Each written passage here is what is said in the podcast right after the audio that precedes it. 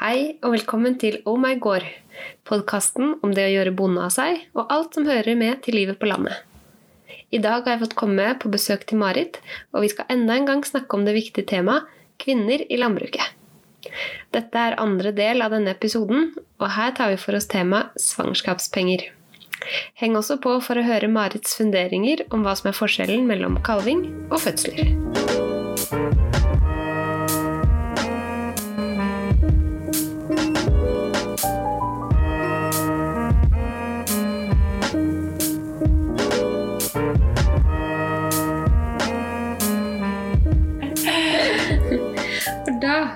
Kommer vi jo til, eh, til det andre punktet som du har inngående kjennskap til. Ja. Da er det svangerskapspenger. Mm. Så sykepenger og svangerskapspenger. To ulike ting. ja. Ja. Hvem får svangerskapspenger? Det er jo eh, friske gravide som eh, da ikke kan jobbe fordi dette medfører risiko for barnet. Eh, kan ha rett på svangerskapspenger. Ja. Mm. Ja, nettopp. Så da Ja, for da, er du, da oppfyller du jo selvfølgelig ikke da, de her eh, sykepengekravet, for du er ikke sjuk selv. Mm. Og gravid er ikke en sykdom, så du er en frisk gravid. Ja. Men så kan du ikke jobbe fordi det potensielt er farlig for ditt ufødte barn. ja, Mm. rett og slett. Eh, og det kan jo være vanskelig. Hvordan, hvordan skal man vite om det du gjør er farlig for ditt ufødte barn eller ikke? Nei, det, det, er det, det er det som er vanskelig, i hvert fall eh, når man som bonde eh, føler at det er vanskelig å finne god kunnskap da, om akkurat det. Mm. Eh, og en ting er kanskje å finne ut av generelle farer, men så må du jo da se på ditt eget bruk.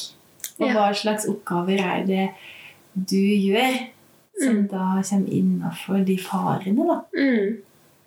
Og så er det jo du sjøl som da må egentlig klare å styre unna da, de arbeidsoppgavene. Mm. Ja, for det her er jo da ingen som står og passer på deg. Nei, for det er det jo hvis du jobber en plass, så skal jo egentlig da arbeidsgiver vite om farene, og så forteller deg sikkert at dette skal du ikke gjøre, eller dette kan du gjøre, eller ja. Jeg vil tro at mange kanskje opplever at de må dra den prosessen sjøl.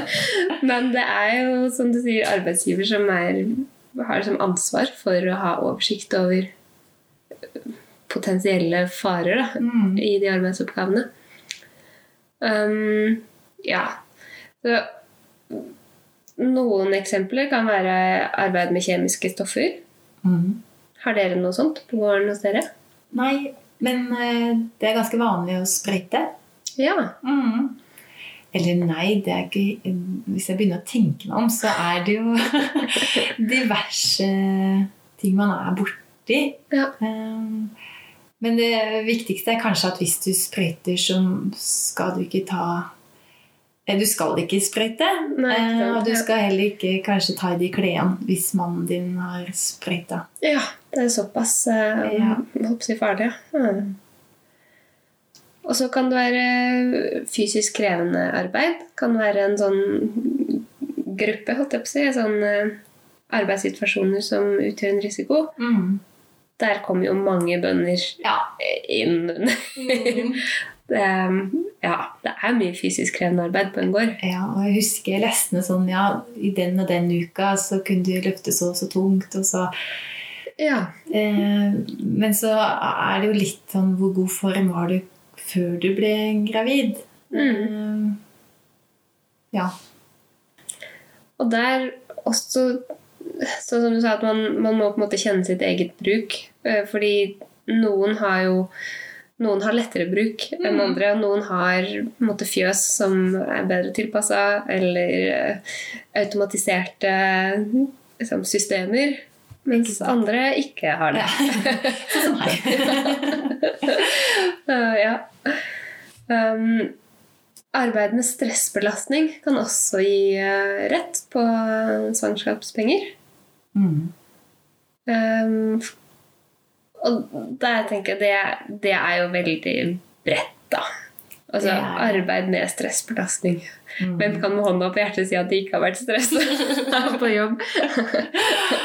Den jobben vi jeg Ja.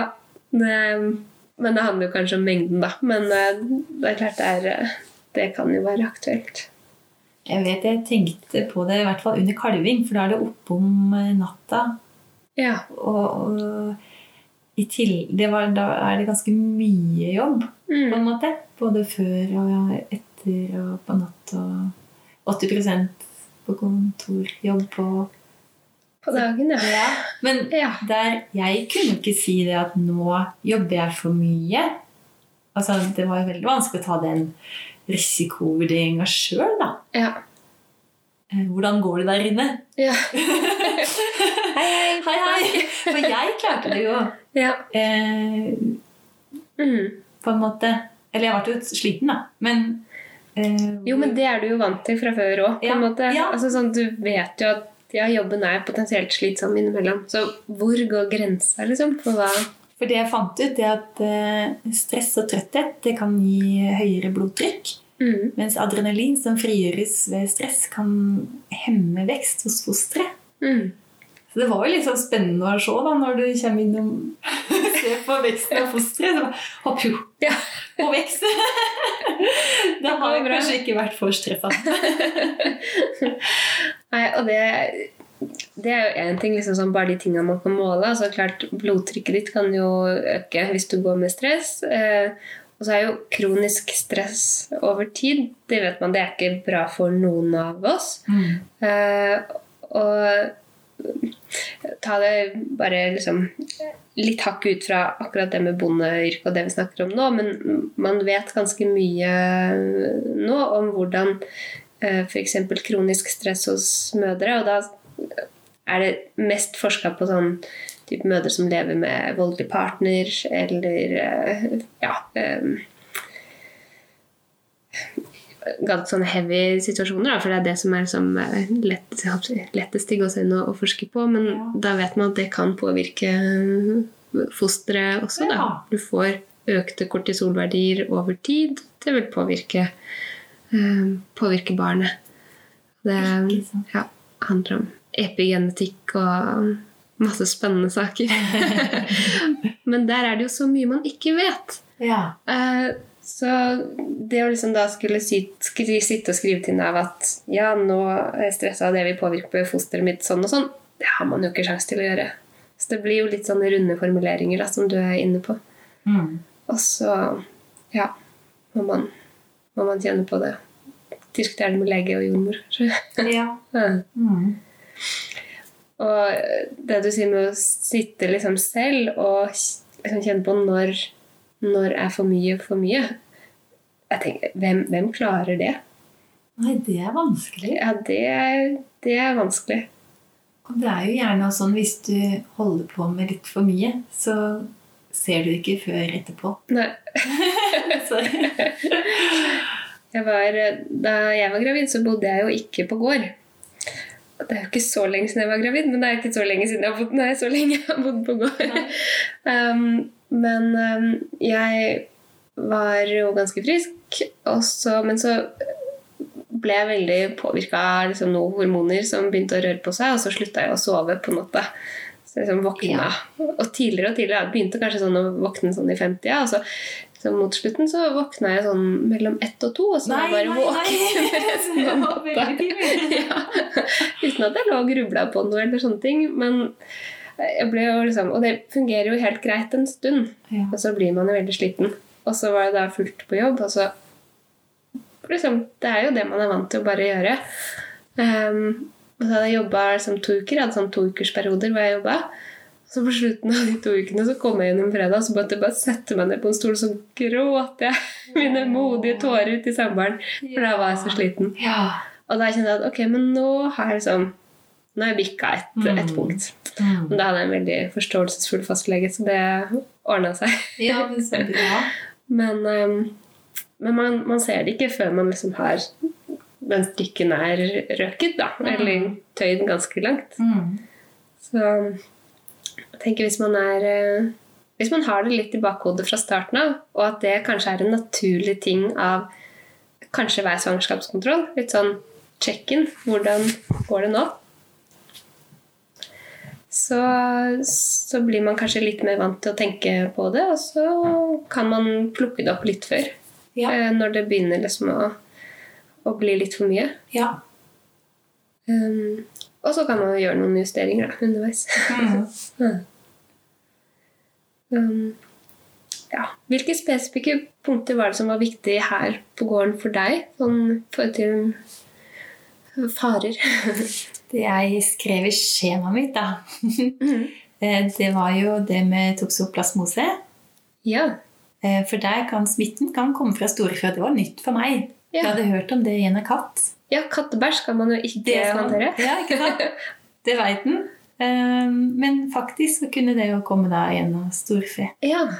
Og da gjerne ved kalving, der det er mye blod. Mm. Ja, så er man ut, ekstra utsatt for smitte. Mm. Ehm, og da er jo da at hvis man blir smitta, så kan det i verste fall føre til skader hos fosteret. Eh, som svekker syn og hørsel og hjerneskade. Mm. Ja, det er ganske alvorlig. Så det er ganske alvorlig. Så eh, jeg starta jo med kalving. Jeg deltok på den, men jeg huska på å liksom vaske meg godt. Jeg brukte hansker og Mm. Mm. Eh, var kanskje ikke så delaktig eh, på en måte under kalvinga, men noe så må du jo ofte i hvert fall ta den kalven og Ja. etterpå, da, når den kommer ut. Og, ja. så, men det var veldig Jeg tenkte i hvert fall på det. Mm. Mm. Og neste punkt det var vibrasjon. Ja. Og det er f.eks. bruk av traktor. ja. Og det kan føre til smerter i bekkenet og øke fare for spontanabort. Mm. Og er det en ting man ikke ønsker seg eh, under Ah. graviditet, så er det jo spontanabort. ja. Og hvis du da blir utsatt for operasjon over lang tid, så kan det øke risikoen for prematur fødsel eller Mm. lav fødselsvekt. Mm. Eh, som jeg nevnte sist gang, så kjører jo ikke jeg så mye traktor. det er liksom ikke det jeg er så veldig god på. Eh, så da Så det var, jeg, skrev den jo her, men i realiteten så trengte jeg ikke å Du kunne tilrettelegge så du slapp å kjøre traktor. ja, Ja. korrekt. Veldig bra. Det, jeg tror du fikk liksom stjerne i boka for den. Ikke sant? Ja. ja, for det Jeg kan ikke så mye om det her. Det kan jeg for så vidt bare skyte inn. At vi håper jo at det kommer en helt egen episode om helsefarer Ja. og risiko er eh, i arbeidsmiljøet i landbruket. Mm. Forhåpentligvis sammen med jordmor Marita Roranta. Vi krysser fingrene. Ja, vi krysser fingrene. Ja. Hun har en mastergrad i akkurat dette emnet, så vi gleder oss veldig mye til det. Mm. Eh, Så vi tar litt sånn lett på det nå, men Ja. dere som hører på, vit at det kommer mer. Ja. Mm. Det, ja. For det var et eller annet med det der at vibrasjonen i traktorene var noen sånn lavfrekvente vibrasjoner, eller noe sånt, og Ja, det var annerledes enn høyfrekvente. Men det kan sikkert Marita fortelle oss Ja. mye mer om. Ja. Jeg sparer det. og neste, det var tungeløft. Det har vi snakka om. Mm. Um, og da har jeg skrevet da, tungeløft innebærer en risiko for fosterskader og for tidlig fødsel. Mm. Risikoen avhenger av belastningen. Det vil si vekt og hvordan og hvor ofte det løftes. Ja. Faren øker ved eh, gjentagende tunge løft. Gravide bør ikke løfte mer enn 12 kg om gangen. 1000 kg samlet i løpet av en dag. ja. Og så videre og så videre. Så ja, etter sjuende graviditetsmåned skal eh, grensene halveres. Så jeg prøvde å tenke da, hvor tungt eh, er det her, og hvor mange ganger har jeg løfta i løpet av dagen. Mm. Og så eh, Hvor mange ganger løfta du på den nyfødte kalven? da? Ja, ikke sant? Løfta og løfta halte. Det alltid. Og så er det Vi har eh, kalvefôringa. Det forekommer sånne kalvebarer, så det er mye bæring av mjølk. Ok. Eh, Så det starta med Jeg skjønte jo da eh, etter hvert hvor mye vi faktisk løfter. Ja. Så det blir man jo klar over, da. Mm. Eh, og prøvde å bygge Men jeg, jeg fikk jo hjelp i fjøset, så jeg klarte å begrense, begrense det. Ja. Ja, så bra. Og der må man jo være så påpasselig, for det er så lett å bare gjøre det sjøl. Og tolv kilo Altså, er ikke mye. Nei. Nei. og det er liksom i starten, og så skal det halveres, så det blir jo egentlig ikke noe igjen da, som du kan løfte. Du kan gå rundt med litt av bøtte, liksom, med Ja. vann. Siste. Ellers så må du gå veldig mange turer, da. Ja, det kan du Med veldig liten bøtte. Men, Ja. Um, så Ja, men uh, ja. Sånn er det. Mm. Og så var det det med støy. Og det var veldig rart, fordi jeg ble veldig påvirka av støy. Mhm. For det er litt bråkete fjøs. Ja. Spesielt når mjølkeorganet står på, um, tanken skal kjøles og Mm. og da, Så jeg gikk ofte ut med hørselvern uten noe på. Oh, ja. Så det var lukt og sånn. Det gikk ganske fint for meg. Jeg var ikke så mye kvalm. Men det med støy, det påvirka meg. Men grunnen til at skal, man skal unngå det, det er jo fordi Jeg kunne jo gå med hørselvern, ja. men det kan vi ikke fostre. Du kan jo ikke ta på en sånn boblejakke? Kanskje noen der ute må finne på en løsning. Ja. Bare får polstra den Ja. ungen. Men den der er jo en sånn liten joker, for det Hvordan, hvordan kommer man på det sjøl? Altså, sånn som du sier, man tar på seg hørselvern selvfølgelig selv, Ja.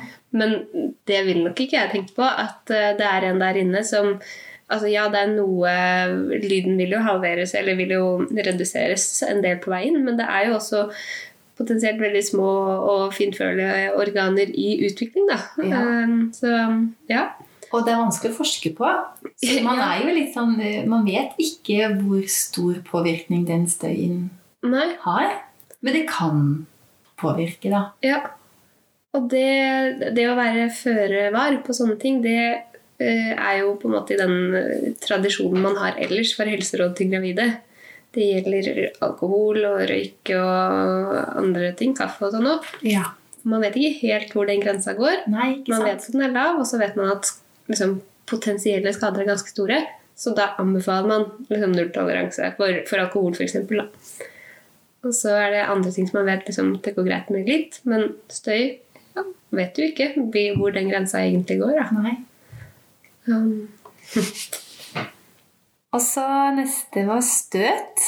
Eh, og det er jo fall. Du kan dette, eller du får slag da, direkte mot eh, magen. Mm. Og det er jo ganske stor risiko, da. Eh, eller, og sannsynlighet, for så vidt, i et fjøs. At eh, hvis du holder på med f.eks. kalver, Ja. eh, at det plutselig kommer et lite spark, eller de kommer og dulter borti deg, eller Det er litt uforutsigbare. Ja, eller en ku som plutselig har en dårlig dag. og da Og spesielt da i siste halvdel da, av graviditeten. Mm. Morkaka kan jo f.eks. løsne. Mm. Det kan bli blødninger i livmoren. Og de som jobber med dyr, er spesielt utsatt, som jeg har skrevet. da. Og det siste det var stress og trøtthet. Og det har vi snakka om. Så det var de punktene Mm. som jeg på en måte gikk ut fra. da. Du dekka jo ganske mye der, da. Det er ganske sånn tettskrevet inni det vesle skjemaet. Ingenting skulle utelates, men Nei. det var sikkert eh, like greit. Ja. Um, men hvor fikk du all den eh, informasjonen fra? Nei, det var jo gjennom hun eh, jordmor Marita. Ja, Mm. Fra bloggen eller fra de Facebook-sidene. Ja. Så bra. Mm. Det blir veldig spennende å snakke Ja. mer om det der, altså. Um, det er, eh, det, det er tre sånne forhold da, som må være oppfylt for at du skal ha krav på svangerskapspenger. Og alt det du på en måte har snakka om nå, er jo det ene. For det, det er jobben din kan eh, skade det ufødte barnet. Så det er liksom alt det med helseskadene. Men så er det to forhold til, og det ene er at du må ha vært i jobb i minst fire uker. Eh, og så må du ha en beregna årsinntekt på minst en halv G, altså en halv gang grunnbeløpet, som er per nå ca. 53 000 kroner. Så de kravene må også være oppfylt. Men um, for de fleste så vil jo det gjelde, da. Mm. Men sånn er, sånn er nå reglene. Og så er det spennende når du akkurat har tatt av en kar. Ja. Ja, For da er du egentlig avhengig av at eh, de ikke forholder seg helt til det siste kravet der, da. Eh, og jeg vet at Med årsinntekt. Ja. Ja. Hvis ikke de da bruker eh, De skal- den gamle års... Eller den eh, Den inntekta du har hatt tidligere. Nå husker jeg ikke akkurat hva ordlyden var der. Um, og det de skrev i brevet til meg, da, så tok de utgangspunkt i næringsinntekten din. Um, kroner, altså hvor mye det er da, i året. Og så når vi beregner svangerskapspenger ut fra næringsinntekten din, bruker vi gjennomsnittet av de tre siste årene vi har fått oppgitt av skatteetaten. Hvis du nettopp har begynt i arbeidet, bruker vi inntekten vi har fått opplyst for det siste året. Ja. Dette gjennomsnittet kan også inneholde arbeidsinntekten din. Og, og den er trukket fra eh, Og da hvis du har tatt over en gard, så har du veldig liten inntekt i starten. Stort sett. ja. Ja. Eh, Kanskje mest utgifter. Mest utgifter, rett og slett. Eh, Så der eh, håper jeg at Nav er våken. Mm. Eh, Men det er ikke så lenge siden jeg leste om meg på Facebook som hadde skrevet sin nød om at hun fikk ikke svangerskapspenger. Og det var fordi hun akkurat hadde tatt over garn, Nettopp. og det var ikke noe inntekt å vise til. Nei. Men du har jo så mye utgifter, og noen må stelle det fjøset. Ja. Det Og da blir det fort dyrt. Da er det jo enten at det er hull i systemet, som man så enkelt kan si, eller at noen har tenkt feil. For vi håper for hennes del. Ja. Men det er ikke sikkert, det. Nei. Nei. nei. Ah. To poeng til som jeg tenkte på svangerskapspenger. Så er det at som for sykepenger så kan man eh, jobbe delvis og få delvis svangerskapspenger, eller gradert svangerskapspenger. Så eh, hvis du kan tilrettelegge noe og jobbe 40 um, så kan du f.eks. få 60% svangerskapspenger. Da. Mm. Så det kan jo være verdt å tenke på. Og har du da en arbeidsgiver, så har de også rett på eller så har du rett på å få vurdert sånn tilrettelegging i første omgang, og så kanskje du må ha svangerskapspenger noe av den, eh, den delen av jobben din òg. Mm. Og det, men der innafor bondeyrket vet du, så jobber du jo mer enn 100% Ja.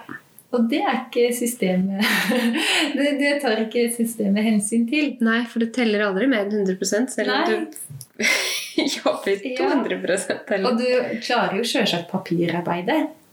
Så du jobber noe. mm. Men du kan kanskje ikke ta fjøsstellet og må ha inn en avløser. Ja. Og hvor, hva, hva det er som genererer inntekt? Det er som Ja, skal du jobbe Skal du få 50% svangerskapspenger fordi du kan sitte 50% og gjøre noe som ikke gir deg noe inntekt? Ja, nettopp. Ja. Det Ja, jeg vet ikke hvordan det her fungerer, men eh, det er mm, Så jeg syns jo svangerskapspenger er en veldig god ordning. Men jeg tror mange gravide bønder kommer litt dårlig ut av det. Ja. Ja. Det kan du ha rett i. Jeg tror systemet fungerer best når du har et annet type arbeid. Jeg tror det meste av sånne Nav-systemer fungerer aller best når du har én arbeidsgiver, fast arbeidstid, fast arbeidsforhold. Rett og slett. Det, sånn er det bare. Sånn er det bare. Ikke finn på annet tull. Nei, det blir så vanskelig Ja. når vi skal saksbehandle.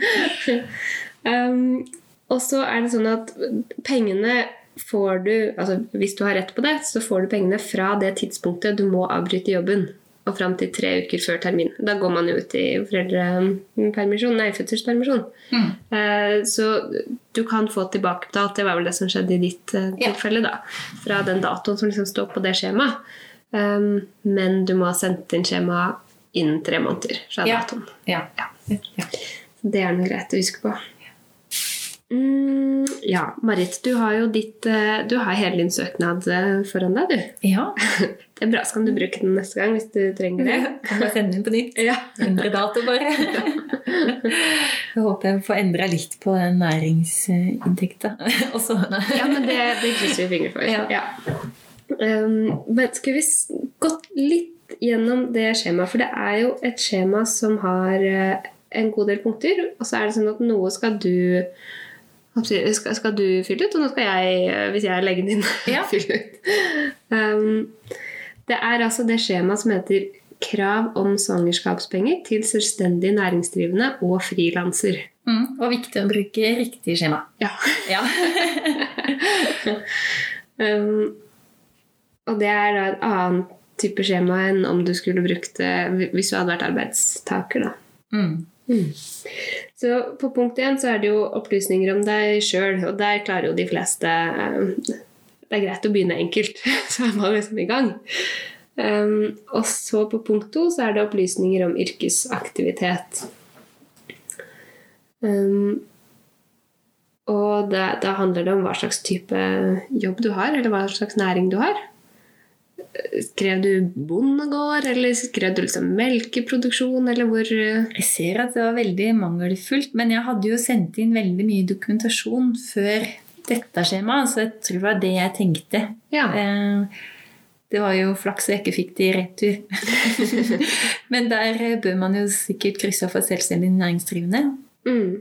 Og så hva slags type aktivitet, næring, ja, og hvor lenge du har drevet. Men det her eh, det skrev jeg òg eh, i selve søknaden til Nav. Okay. Så der må du òg fylle inn det. Så ja, for det gjorde du elektronisk Ja. på nav.no. Og så må du legge ved det skjemaet er, Ja. som et vedlegg. Stemmer, for der står det 'skann' eller 'ta bilde' av skjemaet. eh, Og sende det ved ja. Mm. ja. Så da er jo mye av det sikkert autoutfylt, eller at du fyller det inn eh, rett på, på dataen. Så, men det, det er sikkert smart å fylle ut skjemaet så riktig som mulig. um, så det, og da er det vel egentlig så lenge du For at du må um, oppgi organisasjonsnummeret ditt. Mm. Og da vil jo da perioden fra da du starta med det organisasjonsnummeret, altså til den datoen da, som du har drevet Og da kan du jo ha endringer i inntekt f.eks. gjennom den perioden. Så det kommer inn på den elektroniske søknaden, så kan du forklare eh, da om det har vært eh, endring i inntektsforholdet. Sånn som i mitt Ja. tilfelle, da, så starta jeg eh, et sånt Jeg hadde tenkt jeg skulle begynne med foto. Mhm. Foto, ting og tang. Ja. det, det enkeltpersonsforetaket mitt het. Og så videreførte jeg det da jeg tok over garn. Ja, nettopp. Ja, Så du hadde liksom samme enkeltpersonsforetak, Mm. bare bytta gren? ja rett og slett. Har du bytta navn, eller heter gården Foto ting og tang? Nei, det veit jeg ikke. Jo, det veit jeg. Det heter Marit Eggen. Ok. Så kjedelig som det.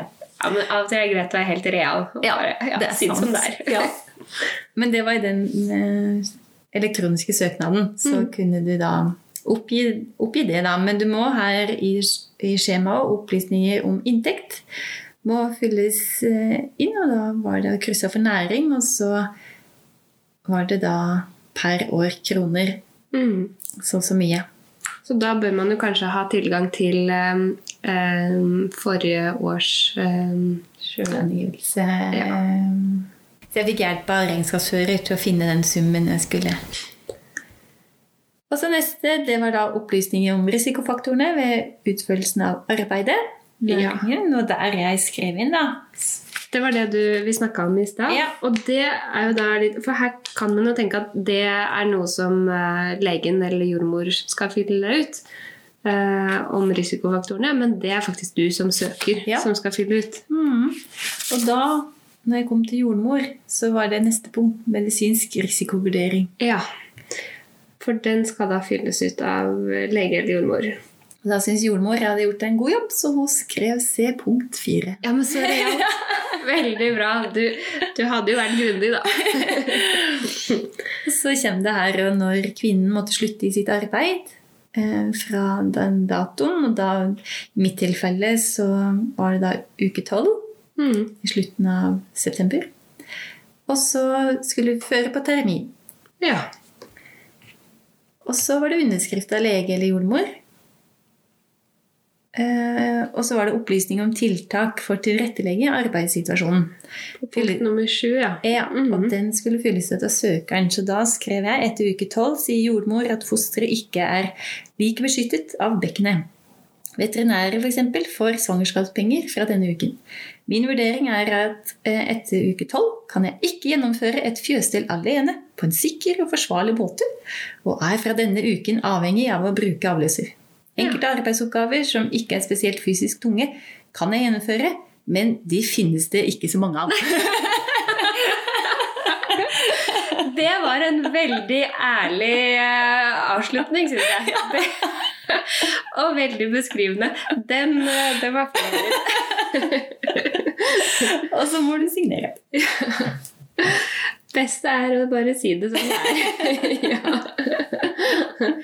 Så det er altså det skjemaet um, som du da må ha med. Det er jo en fordel at uh, du printer ut det, fyller det ut og tar det med deg til jordmor eller lege sjøl, da. Siden du må fylle ut såpass mye. Og så er det lege eller jordmor som da fyller ut punkt fem og seks. Og så er det jo greit Den er som en sånn PDF-fil som man kan fylle inn på PC-en. Ja. Det kan jo være, Da får du plass til mer ja, ikke sant? Da får man mer når du skal skrive for hånd. er eh, sånne her type skjemaer og søknader, så jo mer detaljer, jo bedre. Ja, det tenker jeg jo. Ja, jo mer de vet om situasjonen din, Mm. jo greiere tror jeg det er for Nav å vurdere det. Ja, rett og slett. mm. Ja, men da har vi kanskje runda svangerskapspenger. Ja, det tror jeg. Ikke dårlig. Um, vi, det siste punktet på liksom penger, svangerskap og, og gravide bønder eh, var vi så vidt innom på starten. Men det er noe som heter tilskudd til avløsning. Mm. Og det er da, eh, så vidt vi har skjønt, eh, en liksom egen tilskuddsordning som går til avløser, hvis man har behov for det. Mm. Og da er det tydeligvis sånn at man får ikke eh, tilbake det som en hel avløser koster. Nei, dessverre. Eller som regel så koster avløseren i hvert fall mer. Ja. Så, så her må man uansett punge ut med litt selv, men det vil jo hjelpe noe, da. Ja. Så den, den, eh, den ordninga tror jeg kanskje vi skal komme tilbake til. Mm. Fordi den var var Vi litt noen eksperter. Vi må- trenger eksperthjelp. Ja. Så da, men da har vi nevnt det. Mm. Mm. Um, hvis man da både har fosterskadelig arbeidsmiljø og er syk Altså hvis eh, du ja, du, du er her på gården din med disse melkekyra som skal melkes. Du har altså fosterskadelig arbeidsmiljø, men du eh, er også blitt eh, sjuk. Du har eh, senebetennelser i begge armene, faktisk. Ouch. Bedre å ta det før Nei, nå enn etter at ungen har kommet og du skal amme med sant. Ja. Ja. Men eh, ja, uansett. Hva, hva velger du da, Marit? Skal du gå for liksom svangerskapspenger eller sykepenger? Svangerskapspenger, Svangerskapspenger. Tror jeg. Ja. Hvordan, ta oss gjennom resonnementet ditt. Jeg ble i hvert fall anbefalt det. Prøv å få svangerskapspenger. Mhm. Og det er noe med Hvis du sjukmelder deg, så mister du etter hvert noen rettigheter. Så i verste fall, hvis du da blir sjuk etter fødselen, Mm. så kan du ha krav på mindre sykepenger enn det du kunne ha fått. Ja. ja, ikke sant. Og i mitt tilfelle i hvert fall, så kunne jeg ikke få begge deler. Nei. Eh, så det For du får jo ikke svangerskapspenger og sykepenger. Det kan du vel ikke få, tror jeg. Nei. Det er eh, Ja, tenk nå, hvis du er gradert Hvis du har graderte sykepenger Mm. og jobber 40% i tilrettelagt, og så blir du sjuk fra den 40 så kanskje. Men akkurat eh, det du sa med sykepenger, da, så er det jo sånn at man har, man har sykepengerettigheter, som det heter, i tolv måneder. Ja. Um, og det gjelder jo alle um, altså, Uansett om man er gravid eller ikke, uansett hva man er sykemeldt for. Så når du da har nådd den maksdatoen din, så har gått sykemeldt i tolv måneder, eh, så må du ha vært i inntektsgivende arbeid i seks måneder før du har rett på sykepenger igjen. Ikke sant. Så det som da altså, Er du uheldig da, og har brukt opp eh, ni måneder av dine tolv måneder i svangerskapet fordi du har vært sykemeldt hele svangerskapet, og så kommer barnet, og så si etter fire måneder i foreldrepermisjon så, så blir du sjuk og må sykemeldes. For da er det sånn at hvis da eh, I ditt tilfelle eh, Sigrids pappa skulle ha altså Hvis du hadde blitt syk og ikke kunne tatt vare på mm. hun, så måtte jo han ha tatt vare på hun. Ja. Og da må man søke om at pappaen kan ta øh, øh, foreldrepengene i stedet. Da må du være sykemeldt. Men hvis du da hadde vært i et tilfelle hvor du hadde brukt opp dine sykepengerettigheter, så er det ikke sikkert at det hadde gått. Nei, ikke sant. Mm. Så det kan man jo ha i bakhodet, da. Og så er det sånn at selvstendig næringsdrivende ikke får sykepenger før etter 16 dager. Med mindre du har tilleggsforsikring. Det er sant. Og svangerskapspenger er fra dag én. Dag én, ja. Rett og slett. Mm. Um, men uh, vurder det med, med deg sjøl og, og, med legen, så blir det jo opp til legen og jordmor og deg hva dere finner ut er best i din situasjon. Da. Mm. du, Marit, jeg lurer på om vi skal begynne å runde av. Nå har vi prata veldig mye om sånne sykepenger og trygderettigheter, og man kan bli helt ko-ko av mindre.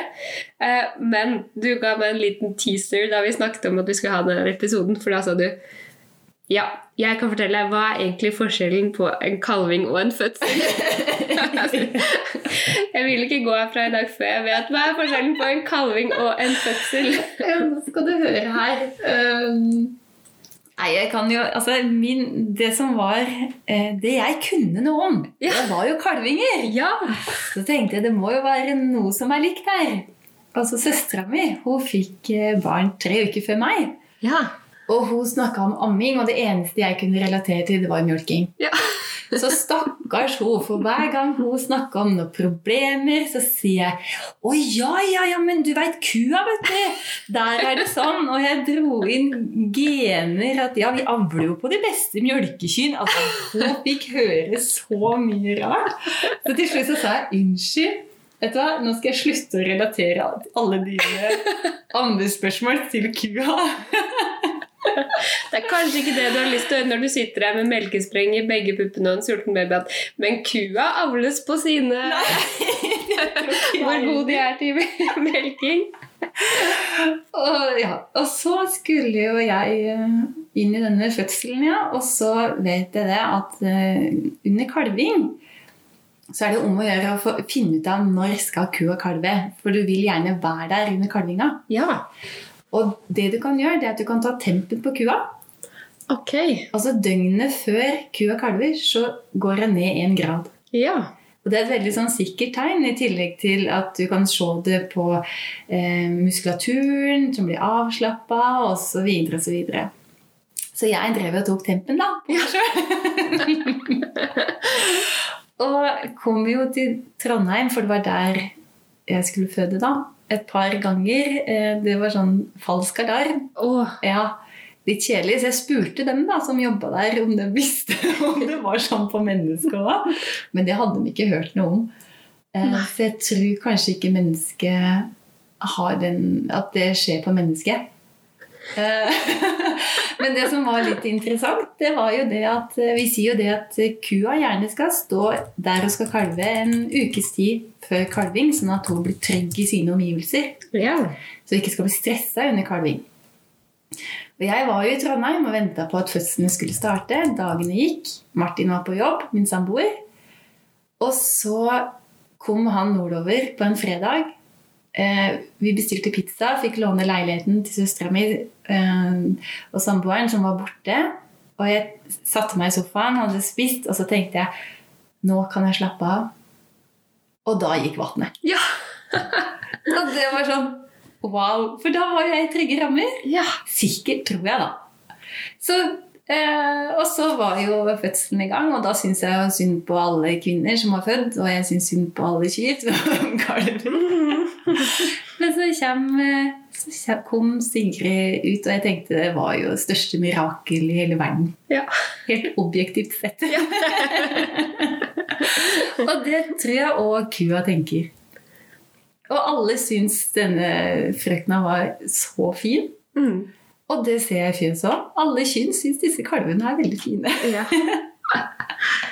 Det er, vi er alle dyr. Vi er alle dyr. Ja. Eh, og i ettertid så fikk jeg jo jurbetennelse og eh, brystspreng. Og jeg kjefta i hvert fall ikke på noen eh, førstegangskalvere eh, som ikke ville stå rolig under mjølking. Nei. Eh, fordi det De hadde din eh, fulle sympati. Ja. og eh, nå når, jeg, eh, når vi da har tegna nytt fjøs, så har jeg lagt eh, veldig godt til rette for disse kalvingene. Mm. Eh, så det gjorde noe med meg som bonde òg, tror jeg. Ja. Å gå gjennom det her sjøl. Ja. Mm. Ja, men det var, det var en fin eh, avrunding. Da har vi liksom vært gjennom hele graviditeten, og så runder av med det. Da eh, håper jeg at eh, noen har fått noe godt ut av det vi har prata om i dag. Ja. Um, og så kommer det som sagt en egen episode om helsefarer og risiko i arbeidsmiljøet i landbruket Ja.